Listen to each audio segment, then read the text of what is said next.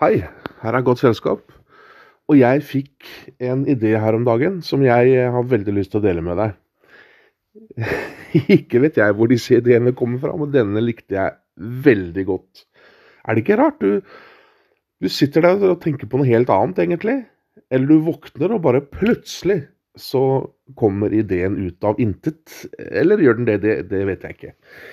Jeg har mine tanker, men det, det er ikke det dette skal handle om. Hvor, hvor gode ideer kommer fra.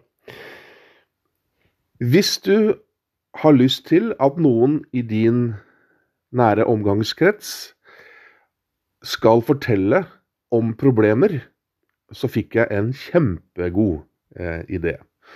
For så skal vi gjøre det så klart som mulig ved å bruke meg som et eksempel. Hvis du hadde sagt til meg, Terje, kan ikke du fortelle meg litt om depresjonen og angsten din? Eh, jeg kjenner kanskje ikke at jeg har så lyst til det. Ja vel, så du forventer at jeg skal snakke med deg om det? Du forventer at jeg skal snakke om det nå? Eh, nei, det, det har jeg ikke lyst til. Eh, det kan være vanskelig å få folk i tale ved å be de snakke om problemer. Hvis, hvis du tar ungdom f.eks., da, barn og ungdom.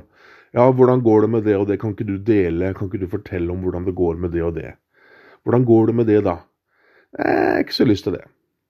Mange er sånn. Eh, kanskje dessverre. Det er jo lurt å, å, prate om ting. Så ideen min handler om I stedet for å be de om å dele ting, så ber du de om hjelp. Hvis du i stedet for å be de dele, sier Du, Terje.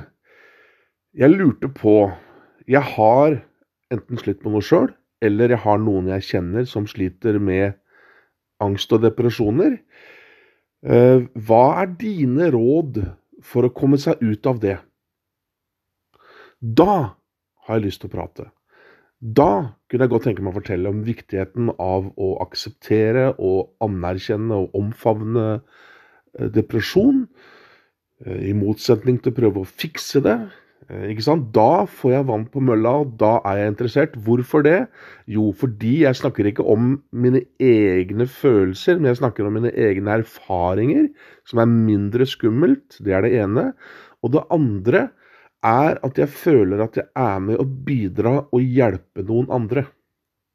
Vi mennesker elsker å være til nytte for andre mennesker. Så i stedet for å be meg om å åpne meg, så be meg om eh, råd og innspill om det problemet jeg har. Og da kommer vi til spørsmålet Skal du ljuge på deg en bekjent som har et problem, eller at du har det sjøl, for at jeg da, eller altså vedkommende, skal dele sine råd? Svaret mitt på det er jeg vet ikke. Hvis du er i en situasjon med f.eks. en ungdom som sliter veldig, og det er vesentlig å få vedkommende i tale, så er det kanskje OK å ljuge på seg en relasjon eller et problem. Altså, dette må du kjenne på sjøl, ehm, men noen ganger kan det, være, kan nesten være sånn at det brenner, da. Og må vi få den ungdommen til å prate, ikke sant? Og da er det vel greit. Eh, da er intensjonen din er ikke å ljuge, intensjonen din er å hjelpe den ungdommen. Og alt vi kan stå til ansvar for, er vel egentlig intensjonen vår når det kommer til stykket. Så jeg håper det ble litt langt, dette. Eh, jeg liker å lage korte podkaster. Men jeg håper du skjønte hva jeg mente.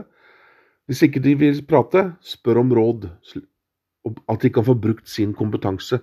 Og da får de jo prata om problemet samtidig, og da får du de i tale. OK, takk for nå.